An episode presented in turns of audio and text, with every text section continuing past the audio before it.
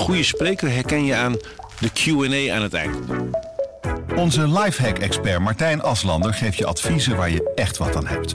Beluister en bekijk Martijn of een van onze andere experts op businesswise.nl. Businesswise, het nieuwe platform voor iedereen met ambitie. Dit is de podcast Politiek Dichtbij. Met Tobias den Hartog en Thomas Brouwer. Wie wordt de belangrijkste uitdager van de VVD bij de komende provinciale statenverkiezingen? GroenLinks en de Partij van de Arbeid trappen dit weekend samen hun campagne af. En ze zijn vastberaden de grootste te worden in de Eerste Kamer. En een celstraf van 22 maanden en een beroepsverbod van 4 jaar. Het OM kwam deze week met een flinke eis tegen Richard de Mos. Ombudspolitiek of toch vriendjespolitiek? En zijn we na de inhoudelijke behandeling van de Haagse corruptieaffaire al veel wijzer geworden? Dat en meer bespreek ik met Jan Hoedeman en Niels Klaassen. Ja, Tobias, die is er een keertje niet. Rutte, daar wordt wel vaker van gezegd, zijn dagen in het torentje zijn wel eens geteld. En deze week kwam er vanuit onverwachte hoek nou, nog eens een bevestiging van. Want dat torentje, dat is helemaal niet brandveilig, Jan. Ja, de brandweer roept altijd uh, dat het niet brandveilig is. Dus daar, ik snap dat Rutte daar niet van onder de indruk is. Hij heeft zich ingedekt. Hij heeft 14 maatregelen laten nemen waardoor het minder brandveilig is. Hij is historicus. Hij zit heel graag in het torentje als uh, vierde premier en als langzittende premier. En het uh, gelegenheidsargument, denk ik, is dat, uh, dat hij nu makkelijk bij zijn geheime documenten kan. En dat het elders niet veilig opgeborgen zou kunnen worden. Dat lijkt me klinkklare onzin. Mooie smoes is dat, zeg. ja. Alle andere ministeries aan de, hè, de, Tweede Kamer, die is daar al weg. Waarom zit Rutte en Algemene Zaken, waarom zitten die daar nog wel dan? Ja, hij hecht er ook aan.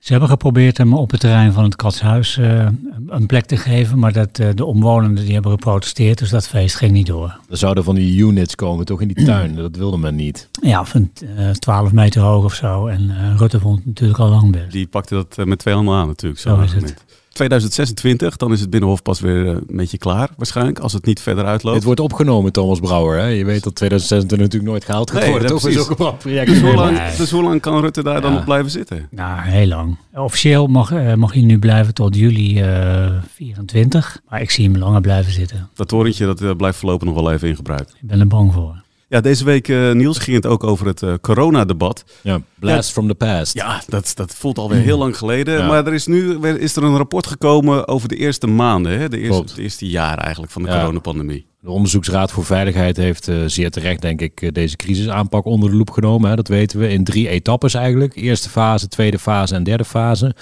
Uh, dit debat ging over de eerste fase. Ik sprak wat Kamerleden gisteren, die vinden dat zelf wat ongemakkelijk dat het zo opgeknipt wordt. Want je wil eigenlijk, het is al best wel weer lang geleden. We gaan dit jaar de derde, het derde jaar van uh, drie jaar geleden jubileum in, zeg maar, corona. Dus die hadden het liefst alles in één keer. Dan kun je ook een goed debat voeren. Maar dat is niet gebeurd. Het ging nu dus over de eerste heftige maanden van de overval. Ja, en een van die dingen die dan wordt besproken is...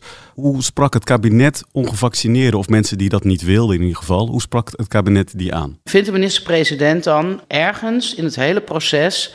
dat misschien um, ook het kabinet daarin misschien wat te hard vochtig is geweest... of misschien toch niet genoeg in gesprek is gegaan uh, met die mensen? Uh, misschien onbedoeld, maar zeker niet bedoeld, maar er zijn wel felle debatten geweest. Bijvoorbeeld over het coronatoegangsbewijs. En wij moeten ons allemaal realiseren, en kabinetsleden nog het meest, dat wij natuurlijk een enorme roeptoeter hebben. Dus als wij iets zeggen, bereikt dat een veel grotere groep dan als iemand op straat iets zegt. Of zelfs wanneer een Kamerlid uh, wat zegt. Wij hebben natuurlijk een enorm bereik. Dus het, zorgvuldig kiezen van je woorden, ja. Ik probeer dat altijd. Volgens mij proberen we dat allemaal altijd. Maar het kan best wel zijn dat je in je beleid dingen doet.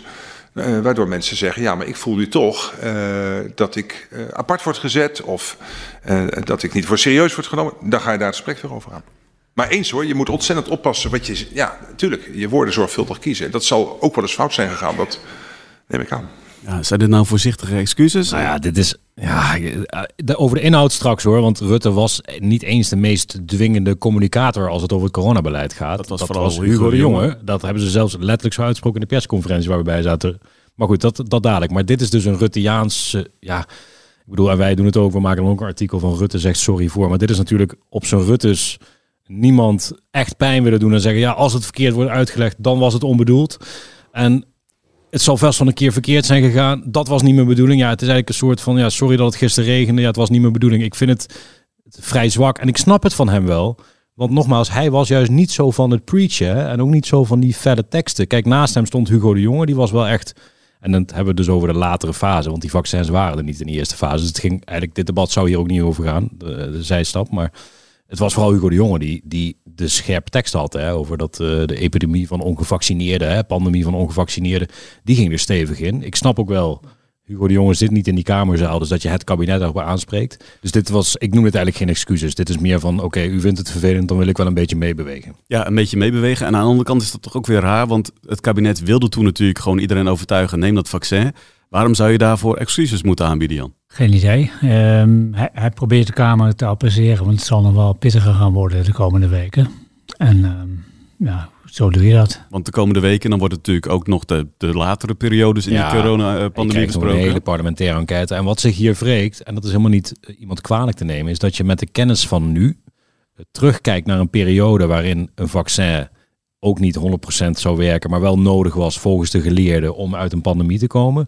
En omdat die coronavariant eh milder wordt, het vaccin ook meer overduidelijk wordt. Nou ja, heeft wel werking, maar misschien niet zoveel als we toen geloofden. krijg je een, ja, best wel een bijzondere discussie. Hè? Dat je met de kennis van nu over een vaccin praat en een, eh, in een crisisaanpak die jaren geleden is. En ja, daar komt voor het kabinet, kan ik je nu alvast voorspellen, niet zoveel moois uit. Want het zal altijd de conclusie worden dat het niet goed ging. Op One way or the other. Het vraag is alleen hoe men dat dan oppikt. Ja, later dit jaar zeker meer over. Straks gaan we het nog hebben over de rechtszaak tegen Richard de Mos. Maar er was meer nieuws deze week. De Franse president Macron steunt premier Rutte in zijn poging om met Europese afspraken de asielinstroom te beperken. Onze vriendschap was altijd belangrijk eh, tussen Frankrijk en Nederland. En eh, sinds eh, Emmanuel Macron president van Frankrijk werd, is die band alleen maar versterkt. Je me réjouis de revenir très vite aux Pays-Bas les 11 et 12 avril avec mon épouse pour une visite d'État qui est à la fois un grand honneur et la marque de la profonde amitié qui lie nos deux pays et nos deux peuples. De Franse president Emmanuel Macron was deze week op bezoek bij premier Rutte. En onder andere om daar te praten over Oekraïne en over migratie. En dat laatste punt, dat is met name belangrijk, hè Jan? Zeker, want eh, Rutte heeft eh, beloofd dat hij, eh, dat hij daar spijkers met koppen gaat slaan. En hij, omdat juist in Europa de nood steeds hoger wordt, gaat hij natuurlijk ook medestanders vinden. Macron is er een van. Ehm, ja, en Rutte zal, zoals hij in 2015 eh, de deal met Erdogan sloot eh, door Syrische vluchtelingen op te vangen, zal hij nu weer eh, willen proberen een deal te sluiten eh, met eh, Europese bondgenoten. Hij is eigenlijk op een, een tour langs allerlei Europese leiders om dat voor elkaar te krijgen. Macron heeft hij dus al binnen. Volgende week gaan ze het erover hebben. Betekent dit nu dat hè, Macron, toch een grote speler, als je die binnen hebt, dat zo'n deal al sneller gemaakt wordt dan? Nou, het helpt wel als je een grote speler aan je kant hebt. Ehm, Boris Johnson is weggevallen als het gaat om, om dit soort eh, bewegingen. Dus eh, Nederland zoekt ook nieuwe bondgenoten. Daarom worden die, die eh, betrekkingen ook veel meer aangehaald. Ja, want Macron is, is er nu. Eh, volgende week spreken ze tussen bij elkaar. In april komt hij waarschijnlijk nog een keer naar Nederland. Ja. Die banden met, eh, met Macron die worden dus een stuk hechter. Maar Macron kwam volgens mij ook vooral om, voor een eigen lobby. Kijk, voor Rutte is migratie heel belangrijk. Hè. Die heeft in zijn eigen partij, eh, ja, die moest toen verplicht naar de fractie om, eh, om de instroom van, eh, van migratie te beloven, die het omlaag. Maar Macron kwam vooral volgens mij voor een lobby. Voor een soort eh, Europese antwoord op Bidens, eh, eh, Bidens steunpakket. Hè. Ja, want Dus- dat is een steunpakket vanuit Amerika om duurzame bedrijven meer te belonen. Ja, en eh, nou ja, om in ieder geval zijn- de eigen economie eigenlijk een oppepper te geven. Ja. Zo, zo kun je het beter op omschrijven. En Europa wil daar een antwoord op formuleren. Althans, een deel van de Europese regeringsleiders. En Macron wil dat vooral met een fonds. Nou, eh, Rutte heeft een beetje allergie voor weer een nieuw fonds, nieuw pot geld die, eh, waar belastinggeld heen moet. Dus dat was zijn lobby. En Rutte had natuurlijk een, in zijn boodschappenmandje dat migratieverhaal. Maar dat is wel taai natuurlijk, want ehm, ja, hij heeft een achterban die wil eh, een strenge aanpak. Ik bedoel, dat heeft hij ook in de fractie moeten toezeggen. Maar het is gewoon eh, lastige materie. Al jaren wordt er op, over eh asiel, migratie gesproken. Al jaren wordt over Dublin-regels gesproken. Nu is er zelfs een pleidooi in Brussel voor een hek, voor hekwerken, echt letterlijk aan de, aan de grenzen. Eh, de EVP-fractie komt daarmee, CDA zeg maar. Dus het is echt voor hem een hele lastige. Waarom zou het dan nu wel gaan lukken volgende week? Waarom zou die deal volgende week wel te maken zijn? Onder druk wordt alles vloeibaar. Ja. Je zag het in 2015, hè? Toen het, als het echt heftig wordt, dan is er veel mogelijk. De vraag is of dat nu dat punt al bereikt is hoor. Maar uh, ja, dan, dan moeten er dingen gebeuren. En dan gebeurt het ook. Ja, je ziet uh, Rutte en Macron uh, deze week op rode lopers en zwaaien. En je verwacht dan, dan komt er een mooi staatsbanket. Maar dat doet Rutte net even anders hè? ja, ja al, al, was het maar omdat het staatsbanket tijdens een staatsbezoek gebeurt. Maar dit was gewoon een werkbezoek. Maar hij neemt zich graag mee naar de Indonesië. Dat klopt, daar houdt hij zelf ook veel van. Maar nou is Puncak niet het meeste top uh, van Den Haag volgens mij. Nee, er zijn echt betere. Dus ik ben, maar volgens mij is een van zijn favoriete eethuisjes is er niet meer. Subur. Of in ieder geval een van de vestingen is er niet meer. Garuda. Ja, we gaan nu even heel erg de, de Indische ja, eethuisjes doen. Garuda zijn beroemdheid is overgenomen. Dus hij denkt, ja, ik wil nog naar iets wat, wat authentiek is. De Punjak. Ja, nee, dat klopt. En het is op loopafstand van het torentje. Ja, dus ja. ja dat torentje waar Rutte dus nog wel zit. Uh, maar is, is dit ook een soort van truc van hem? Van joh, als ik het uh, wat meer laagdrempeliger doe, dan worden er misschien wat makkelijker deeltjes gesloten dan als ik echt zo'n officieel uh, banket. Nou, kijk, Punjak uh, is, is, niet de oorzaak van een deal, maar uh, alle beetjes helpen natuurlijk. Zijn jullie al eens een keer door Rutte meegenomen naar Indonesië? Nee. nee. ik ken wel de Punjak op zich. Wel, wel, wel lekker. Ik kreeg een 7,2 in de restaurantrubriek afgelopen week. Ja, Kijk, nou ja. ja en, dat, en, dat, snap ik. Kijk, voor alle restaurantstips, uh, gewoon politiek erbij volgen mensen. Ja, straks gaan we het hebben over het CDA, want die partij hoopt misschien wel op een lage opkomst bij de Provinciale Statenverkiezingen. Daarover straks meer, want eerst hebben we het over de Haagse corruptieaffaire.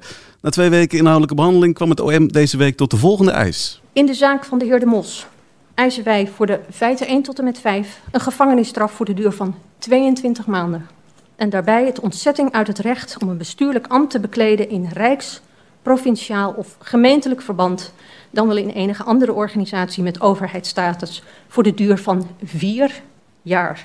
Ja, Niels, jij woont uh, deze weken zowat in de rechtbank. Jij ja. hebt natuurlijk die podcast gemaakt, O, de Mos. Uh, voordat we even inhoudelijk ingaan op die eisen. Waar gaat het nou precies over, die Haagse corruptieaffaire? Uh, ja, even voor dummies, zeg maar, de Haagse corruptieaffaire voor dummies. Uh, Richard de Mos, oud PVV'er, uh, bouwt een eigen lokaal politiek imperium in de stad Den Haag. Wint heel veel kiezers voor zich, krijgt steun van lokale ondernemers, wordt wethouder in 2018. En dan gaat het al snel mis voor justitie, want dan blijkt, onderzoek starten om een andere reden, maar ook hij wordt op een gegeven moment afgetapt. Dan blijkt dat hij voor justitie veel te enig is met deze ondernemers, die betalen aan zijn partijkas. Die stortte tienduizenden euro's in zijn partijkas en hij doet volgens het OM daar wat voor terug. En dat is corruptie. De Mos zelf noemt dat ombudspolitiek. Ja, hij zegt dan, dat is zijn verweer eigenlijk de hele tijd. consequent in die zin. Ja joh, ik hielp uh, die partijsponsor, dat klopt, maar ik deed dingen voor iedereen. Als jij belt dat jouw stoepijs vrijgemaakt moet worden of er moet een zebrapad komen in de wijk, doe ik het ook. Zijn verweer is, ja, misschien komt het ook mijn sponsoren goed uit, maar het was goed voor de hele stad. Ja, het OM maakt daar trouwens gehakt van. Ja, die zegt, jullie deden veel meer voor de mensen die jullie betaalden. Ja, je, je trok ze echt voor en ze hebben dat opgebouwd in een urenlang uh, betogen op dinsdag en woensdag. Dat mondde uit in die forse strafeis. Maar eigenlijk bouwen zij hun hele zaak op afgetapte telefoongesprekken, appjes onderling tussen ondernemers en politici. Uh, mailverkeer, bankrekeningen onderzocht. En eigenlijk komt daar, proberen zij daar het beeld neer te zetten van ja, die ombudspolitiek voor jou, dat is vooral een reclameverhaal om te verdoezelen. Een, meer een dekmantel voor je criminele vriendjespolitiek. een stevige tekst hoor, want het wordt echt op een gegeven moment letterlijk gezegd, ja, nee, het is geen politieke samenwerking, het is een criminele organisatie. Nou ja, pittig. Die ombudspolitiek, ja, dat, nou ja ik, zal maar te, ik zal toch stiekem zeggen wat ik ervan vind. Ik vind het nog niet eens zo'n slecht idee dat je weer dichter bij de partijen uh, kan komen. Dat, ja. is misschien best wel een goed idee. Heeft u zich ooit gerealiseerd dat als je zo dicht bij de mensen komt dat er een soort voorkeursrelatie kan ontstaan uh, voor bepaalde mensen. En, en, en zeker als, als er uh, uh, betalingen zijn, hè, dat, waar we nu mee bezig ja, dat, dat is dan weer het mooie van ons. Ja. Dat we niks geniepers en glijperigs altijd met ambtenaren erbij. De, de one million dollar question. Yes. Gaat u, stel, wat wij, wat wij ook vinden, of we nu u veroordelen of u vrijspreken of deels, of wat dan ook. Gaat u dan dingen veranderen in de toekomst? Als er is deze zaak ombudspolitiek moet in de prullenbak... Ja, dan maak ik ook de pleiterik en ga ik misschien toch die bed en beginnen. Ja, Jan, jij zit niet op deze zaak, maar als jij hier naar luistert, wat vind jij dan? Als je bestuurder bent en je, jouw partij wordt gesponsord uh, door een aantal mensen en jij loopt harder voor die mensen als die iets willen in de, in de bestuurlijke praktijk, ja, daar, is een woord voor. Dat begint met een C en het eindigt met een E. En we zeggen dan corruptie. De Mos zegt, ja luister eens, die grote landelijke partijen, die krijgen ook geld. En we weten niet wat ze daarvoor doen. Uh, ik vind het wel goed dat hij daar kritiek op heeft. Uh, dat, dat moet ook veranderen. Ik vind dat die lokale partijen, die moeten door um, door, door de landelijke overheid uh, gesponsord worden. Die, die moeten gewoon geld krijgen, zodat ze minder afhankelijk zijn, zoals de MOS geworden is, van geldschieters. Ja, en dat verandert ook. Hè? Want wij hebben ook trouwens veel geschreven over het CDA. Die kreeg een miljoen van de, de oud schoolboekenuitgever. Uh, daar was heel veel kritiek op. Ik denk ook terecht, want je, je dreigt je veel te afhankelijk te maken van één geldschieter, zoals Jan zegt. Dus nu is er al een nieuwe wet een plafondbedrag gekomen.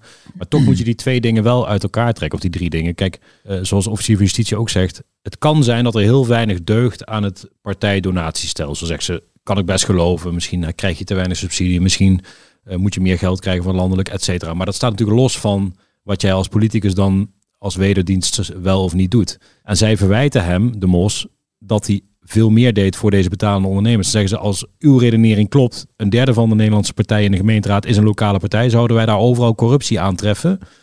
Vraagteken was een retorische vraag natuurlijk. Het antwoord volgens hen is daarop nee. Nou heeft die uh, inhoudelijke behandeling heeft, uh, twee weken geduurd. Jij zat er natuurlijk al behoorlijk in, omdat je die podcast hebt gemaakt. Zijn er nou nog dingen die je hebt gehoord waardoor je echt verrast bent? Ja, toch wel. Want kijk, uh, er wordt media wel eens verweten aan cherrypicking te doen. Hè? Paar dingen eruit pikken en dan de rest laten zitten. Maar ik denk dat het OM uh, nog een paar hele flinke kersen in de mand had uh, in dit geval. Er zijn echt gesprekken. Wat, wat zijn die kersen dan? Ja, gesprekken onderling tussen politiek en uh, ondernemers. Laat ik één voorbeeld noemen.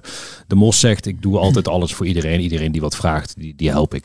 En op een gegeven moment hoor je letterlijk gewoon een gesprek, of niet meer, wordt er geciteerd, een gesprek tussen de Mos en een van zijn raadsleden. Dat raadslid zegt, Richard, partijleider, wij hebben een huisvestingsplannen als partij en die gaan we zo en zo in de raad invoeren. En dan zegt Richard letterlijk, ja, onze grootste sponsoren vinden hier wat van. Hè? Dus dat is al een signaal. En dan zegt dat raadslid, sputtert nog wat tegen volgens OM. En dan zegt Richard, onze grootste sponsoren vinden hier wat van. Ergo, pas die plannen nou maar aan. En dankzij hun geld zit jij in de raad.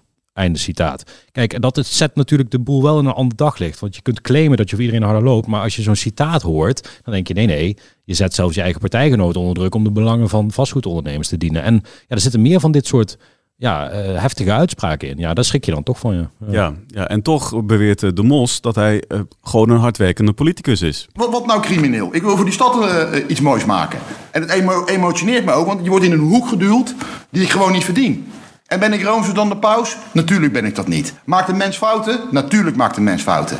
Ik heb altijd geknokt voor die stad. En dan zit ik hier nu ja, de, de gekste dingen aan te horen. En dan wordt er een illegale knusjesman bij de haren aangesleept om mij te framen als iemand die aan mensen smokkel doet. Het is te gek voor woorden allemaal. En als ik mijn humor niet had, ik zei het u vanmorgen ook al, dan had ik er waarschijnlijk gewoon uitgestapt. Zoveel doet het met mij. Afgelopen vrijdag, hoe denkt u dat ik mij gevoeld heb dat het dossier is gelekt? Zit de hele vrijdag dat mijn tante belt. Wat gaat het met je? Hoe, hoe ga je daarmee om? Word je afgemaakt in, in, in de media? Voor wat? Ik heb geen euro aangenomen. Ik heb mijn partij groot gemaakt. De hele vrijdag lig je op de grill. En nog een keer draaien. En nog een keer. Omdat ik voor de stad in de weer ben. Nou, het is gewoon te gek voor woorden. Maar goed, ik moet nu weer kalmeren. Want ik merk dat ik een beetje boos word. En emotioneel, dat moet ik juist niet doen. Want ik ben op mijn best als ik vrolijk ben. En die vrolijkheid, die vrolijke geest, die staat al 3,5 jaar onder druk. De emotie die druipt er vanaf, hè? Ja, nee, zeker. En dit is ook de Mos, vintage de Mos. Uh, hij doet zijn verdediging eigenlijk al sinds dag één volgens dezelfde uh, manier. De verdedigen wat je, wat je politieke methode is. Wat er ook eigenlijk aan feiten of omstandigheden wordt, wordt naar voren wordt gebracht, dat weerleggen met van ja, zo werk ik nu eenmaal. En een druk uitoefenen op anderen. Ja, if you can't stand the heat Get Out of the Kitchen. En hier werd hij, uh, werd hij even geraakt. Ik, ik denk dat iedereen dat ook wel begrijpt. Als je al 3,5 jaar lang uh, eigenlijk uh, bungelt als corruptieverdachte wordt neergezet. Het staat natuurlijk los van de inhoud, hè, maar emotioneel heb je daar natuurlijk wel begrip voor. En dan zie je ook wel dat die emotie oprecht lijkt. Ja, nu deze week dus de ijs bekend geworden. 22 maanden celstraf. Ja. Vier jaar mag hij zijn beroep niet uh, uitvoeren. Ja, hij, was toch wel uh, geraakt. Ik bedoel, hij staarde vooral op zijn scherm hoor, die dag. Want hij was eigenlijk via Twitter zijn verdediging aan het doen. Dus de, OM was maar bezig, bezig, bezig. Vooral met de achterban thuis. Was, ja, eh. zeker aan het communiceren. Ja, ik, ik noem dat in een stukje het parallele universum waar hij, waar hij even verkeerde. Maar het kwam wel binnen. Zeker dat beroepsverbod. Vergis je niet, vier jaar geen bestuurlijke functie. Mag je wel raadslid zijn trouwens, of, of Kamerlid als dat uh, zou spelen. Maar dan mag je niet wethouder zijn, of dijkgraaf, of, of staatssecretaris eh, als je dat al uh, zou ambiëren. En dat is wel pijnlijk. Hij is een raspoliticus. Ik bedoel, hij leeft voor die politiek. Hij zegt, vrouwen zijn bij me weg met piepende banden, zoals een one-liner van hem luidt, weggereden omdat ik getrouwd was met de politiek. En dat doet wel zeer natuurlijk. Volgende week dus de pleidooien. Kunnen we dan nog vuurwerk verwachten? Nou ja, zij moeten gaan uitleggen waarom alles wat wij de afgelopen week hebben gehoord, uh, ofwel anders in elkaar steekt, ofwel toch op een of andere manier niet belastend is, wat er niet deugt aan het bewijs. Dus ik ben toch wel heel nieuwsgierig wat dat verhaal wordt. Ja, uh, veel meer over de Mos uh, donderdag in de nieuwe podcast van jou, de Mos. aflevering 6. Ja, aflevering 6. Te vinden op ad.nl slash podcast. Nog ruim een maand en dan uh, kunnen we naar de stembus voor de provinciale statenverkiezingen en de waterschappen. En die provinciale verkiezingen die zijn belangrijk, want daarmee uh, wordt ook uiteindelijk de Eerste Kamer gekozen. En steeds meer partijen gaan de komende dagen in campagnestand. De grote vraag die lijkt toch weer, wie wordt de grote uitdager van de VVD? Is de VVD echt de grote favoriet, Jan? Ja, de VVD staat in ieder geval het hoogst in de peiling en heeft uh, de meeste laatste verkiezingen door gewonnen. dus dan ben je al gauw de grote favoriet. De VVD die heeft uh, um, voor het gemak zelf maar zijn eigen uitdager gekozen, omdat dat uh, wel fijn is. Uh, op die manier heb je controle en kun je het spel spelen wat je wilt spelen. Ik heb het idee dat het ook een soort angst is. Je bedoelt het interview, hè? Ja, dat interview ja. vorige week. Toen hebben ze dus gekozen voor ehm, de Partij van de Arbeid en GroenLinks als, als grote vijand neer te zetten. De linkse wolk waar Nederland bang voor zou moeten zijn. Um, of dat gaat werken, dat gaan we zien.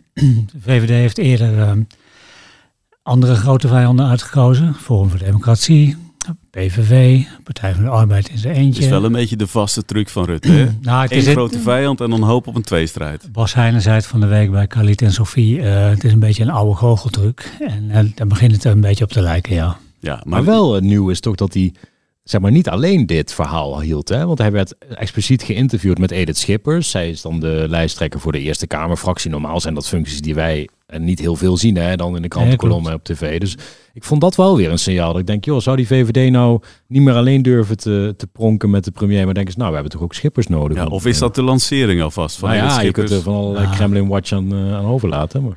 Mensen die gelanceerd worden als volgende premier, die worden hetzelfde.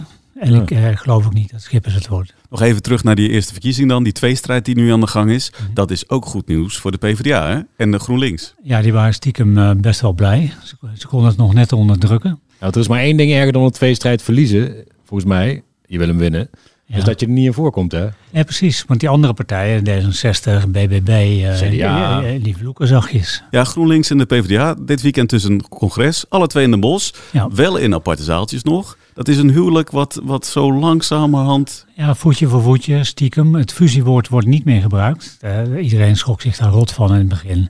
En daar hebben ze dus van geleerd. Want ondertussen, ik denk als je nu een stemming zal houden of men ervoor is, dan denk ik dat driekwart gewoon bij beide partijen zegt, uh, moeten we doen, of zelfs meer. Maar ze willen zoveel mogelijk mensen meekrijgen en het zo lang mogelijk uh, uitstellen dat je echt uh, een soort fusie aanvangt. Ja, en een van die methoden waarmee ze dat lijken te doen, is dat leden van de PvdA als stiekem lid worden ook van GroenLinks en andersom. Hè? Ja, maar niet eens stiekem. Dat, wordt, dat wordt en dat is natuurlijk wel heel slim. Want als jij, uh, als jij iets hebt met, met Job Cohen en iets minder met GroenLinks... en je ziet dat Job Cohen ook uh, GroenLinks-lid is geworden... dan ga je toch achter je oren krabben van... Uh, Oh, misschien zijn die lui zo erg niet en andersom. Jij sprak er deze week al even over met Jesse Klaver en Adje Kuiken. Even luisteren. Er zijn PvdA's die een dubbel lidmaatschap hebben met GroenLinks. Bent u ook al zover? Uh, nee, want ik ben nu nog partijleider van de Partij van de Arbeid. Uh, maar het is heel leuk dat heel veel leden hebben gezegd... wij willen juist elkaar daarin versterken, samenwerken. Uh, juist omdat Nederland socialer, groener kan. dus een ontzettend leuk initiatief. Bent u al lid van de Partij van de Arbeid? Nog niet. Wanneer gaat dat gebeuren? Uh, dat weet ik niet, maar uh, u hoort het vanzelf als dat gebeurt. Kijk, en Klaver houden zelf die boot nog heel even af, hè? Ja, dit weekend worden er trouwens wel uh, moties in stemming gebracht... waarbij het mogelijk wordt om wel lid te worden van twee partijen. Want officieel mag dat nog niet?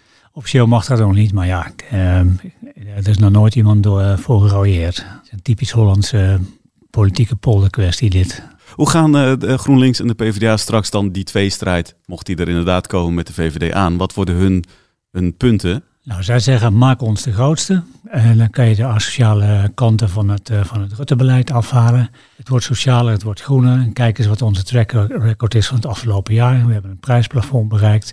We hebben de AOW kunnen koppelen aan de uitkeringen en nog een aantal maatregelen.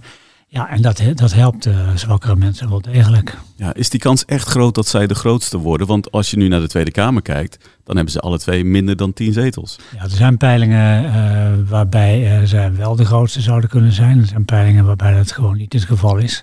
Maar ja, door deze campagne wordt uh, bij de peilingen waarbij dat niet het geval is, de kans wel weer groter natuurlijk. Ja, Niels, je, je, je merkt van dit is natuurlijk een, een soort spin van Rutte en uh, GroenLinks en PvdA gaan daar gretig in mee. Als journalist moet je dan ook maar uh, zien te bepalen van ja, hoe zorg ik nu dat ik niet voor dit karretje word gespannen? Ja, dat is lastig hè, kip of ei verhaal eigenlijk ook dan hè, want, want je zag in 2012 dat zo'n tweestrijd er dus echt kwam. Uh, niemand gaf volgens mij in de aanloop, Jan was er live bij, ik nog net niet, ik een jaar later. Samsung gaf, niemand, gaf niemand de stuiver voor hem toen hij aantrad als, als, als, als lijsttrekker. En toen ging het ook wel op deze manier. Ja, niet zo uh, geanceneerd bijna, maar toen groeide het uit tot een tweestrijd waar de PvdA bijna de grootste werd. Hè? Zeker. En de VVD blij was dat de verkiezingen die dag waren en niet een dag later. Want dan was de Partij van de Arbeid doorgegroeid en de grootste geworden. Ja, dat moet je toch beschrijven. Dus ook als je hem al de contouren daarvan ziet, zul je dat beschrijven. En overigens was Rutte niet, het was niet uit de lucht gegrepen, want er lag een peiling al van INO Research een week of twee geleden daarvoor, dat gewoon aantoonde dat in potentie zij samen, dus het is ook weer niet helemaal hè, verzonnen. Ik bedoel, GroenLinks en PvdA zijn volgens de pijlers nu in staat om ja, toch in die top te komen. Ja, voor Rutte is het natuurlijk ook interessant om juist die linkse partijen te pakken. Want op rechts ligt er misschien nog wel ruimte. Ja, dat is zo. Dan zag je bij rechts uh, stemmen vandaan. Uh, maar straks zal hij toch zaken moeten doen met links. En hoe je het ook went of keert, ja, dat is het spel wat we straks gaan zien. Als zij straks inderdaad uh, groot worden in de Eerste Kamer. Ja, wie niet zo blij is met die twee strijdplannen van Rutte en GroenLinks PvdA, dat is uh, CDA, Niels. Ah, Hugo de Jonge twitterde iets als... Uh, ja, nee, dit kunnen we gebruiken. Zo'n neppe, zo'n neppe tweestrijd tussen ja, dat was, hij zal het menen hoor, maar het is natuurlijk ook iets pijnlijks. Het is ook gewoon een, een, niet mee mogen doen, uh, met niet gekozen worden voor het voetbalteam uh, hè, bij, bij de gymles. Of uh, als muurbloempje achterblijven bij het, bij het afdansen. Ik bedoel, je wil daar toch, als er al een tweestrijd is, ook al is die verzonnen, wil je er wel bij zijn. Ja. En dat is het CDA nu niet. Het CDA die, heeft dit weekend ook haar congres. Ja. Dat wordt nog wel even spannend, want zo rooskleurig ziet de toekomst er niet uit voor het CDA. Nee, het CDA heeft echt wel een hele lastige periode gehad, vooral. Ik bedoel, dat, dat verkiezingsjaar was gewoon een rampjaar. En we kennen de geschiedenis, zich stapte op. Die, die schreef nog even een memo, uh, dat bleek een afscheidscadeau vol met aantijgingen. Uh, die partij lag echt in, in puin, Jan. Ik bedoel, er was vrij weinig van over.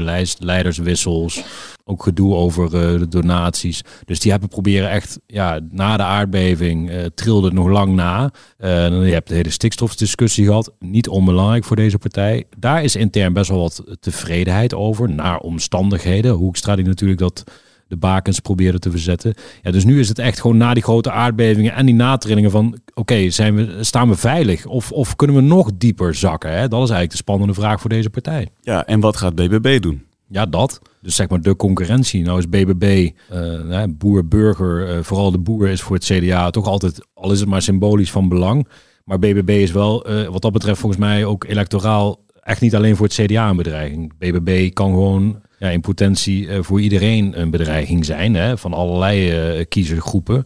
Dus die kunnen dan met de provinciale wisselbokalen misschien van doorgaan. Want vorige keer kreeg volgens mij Forum voor Democratie... kreeg bij de vorige provinciale statenverkiezingen uh, de meeste stemmen. Uiteindelijk evenveel zetels in de Senaat, maar de meeste stemmen. Dus die werden toen even de grootste. Ja, die dreiging van Forum die, die lijkt wel weg. wie ook niet meedoet, Pieter Omzicht. Dat is ook fijn voor het CDA. Zeker, maar... Um ik neem aan dat Pieter Omtzigt uh, probeert te pieken op het moment dat het moet, namelijk bij de Tweede Kamerverkiezingen. Dus dat mogen we nog even afwachten. Wat zou het voor het kabinet betekenen als het CDA inderdaad straks een klap krijgt op 15 maart? Uiteindelijk volgens mij niet heel veel. Want um, uh, het kabinet heeft altijd door kunnen regeren, um, ook als het uh, de meerderheid of, of, de minderheid verder slonk. Je moet gewoon zaken doen met uh, de constructieve partijen die er dan zijn. Ja. Ja, en als een partij een hele harde tik krijgt door de kiezer, ook al is het in een andere, hè, in de Staat of in de Eerste Kamer, krijg je natuurlijk wel een soort dynamiek in die partij zelf. Hè? Van jeetje, we zitten blijkbaar op zo'n slechte koers. Hè, we zitten nu in een kabinet en Hoekstra is zo'n buitenlandse zakenpartij. Blijkbaar doen we het zo slecht dat de kiezer ons nog een keer halveert. Dat geeft wel altijd narigheid intern. En dat kan zich dan uiteindelijk politiek vertalen in een kabinet. Als je vindt dat je een statement moet maken. Of, nou ja, maar goed, dat is ja, dan moet je je misschien wel meer gaan profileren. Precies, en dat geeft vaak in coalitiediscipline wel wat uh, reuring. Ja, ja, Wie zijn de andere partijen om straks in de gaten te houden? Uh, ja, 21 misschien? Ja, zeker. Ik ben benieuwd naar die nieuw, nieuwkomers aanhalingstekens zoals Ja 21 en BBB. Kijk, peilingen zijn vaak wel een graadmeter, een, een temperatuurmeter, een barometer, moet ik zeggen. Maar het, is geen voorspellende waarde. Niet, ah, niet absoluut voorspellende waarde. Dus het is toch even de vraag hoe groot zij kunnen worden. Ja. Ja. Ja, we gaan het de komende weken zien. Eh, 15 maart, dan is het zover. Als we kijken naar volgende week, jongens, wat staat er dan op de planning? Nou, Brussel, hè, die top dus. Macron, regeringsleiders, eh, 27 stuks eh, over migratie. En ja, Rutte zal daar toch iets uit moeten halen, waardoor hij kan zeggen, nou, eh, die aanloop en al die beloftes van me, die, die zijn wat waard gebleken. Zodat hij terug kan naar zijn achterban. Nou ja, als worden hij- inderdaad maatregelen Als genomen. hij echt een grote deal maakt voor de statenverkiezingen, dan zal hij daarmee pronken. Dus volgende week Brussel dichtbij. Tot zover deze aflevering. Vind je dit nou een leuke podcast? Abonneer je dan. Dat kan via Spotify of Apple Podcast. En volgende week, dan zijn we er weer. Tot dan.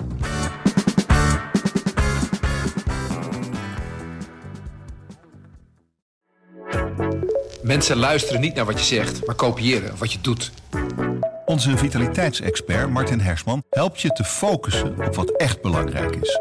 Beluister en bekijk Martin of een van onze andere experts op businesswise.nl. Businesswise, het nieuwe platform voor iedereen met ambitie.